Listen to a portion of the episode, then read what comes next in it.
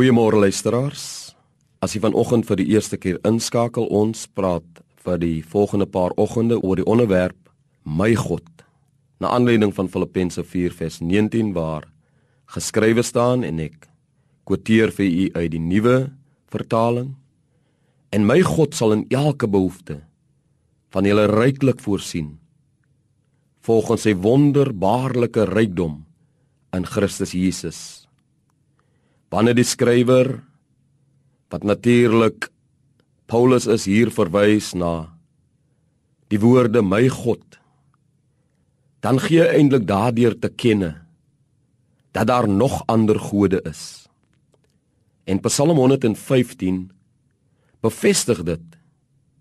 Wanneer ons lees vanaf die 4de tot die 7de vers in Psalm 115 sê die psalmis aangaande hierdie gode Hulle het 'n mond, maar kan nie praat nie. Oë, maar kan nie sien nie. 'n Neus, maar kan nie ruik nie. Hande, maar kan nie tas nie.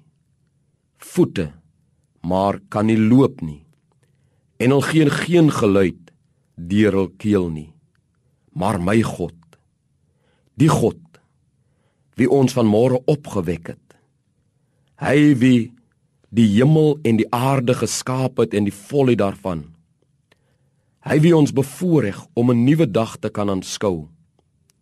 Hy wie die skepper en onderhouer is van die mens. Hy is in staat om in elke behoefte van ons ryklik te voorsien volgens sy wonderbaarlike rykdom in Christus Jesus. Die vraag waarmee ons vandag gekonfronteer word is nie wie u God is nie, maar waartoe is u God in staat? Dawid sê aangaande hierdie God, my God, sluimer of slaap nie. Hy is wakker agter sy woord om dit te volbring. Liewe luisteraar, mag my God, die God van ons voorvader Abraham, Isak en Jakob, ook u God wees Mag U vandag sy mondstuk wees. Mag U die lewe vandag deur sy oë aanskou. Mag U sy hande, sy nabyheid, mag dit U omvou en mag U tog ook vandag sy voetstappe ervaar in U lewe. My God is in staat.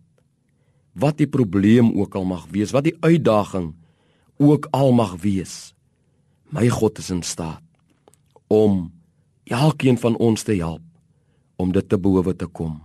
Amen.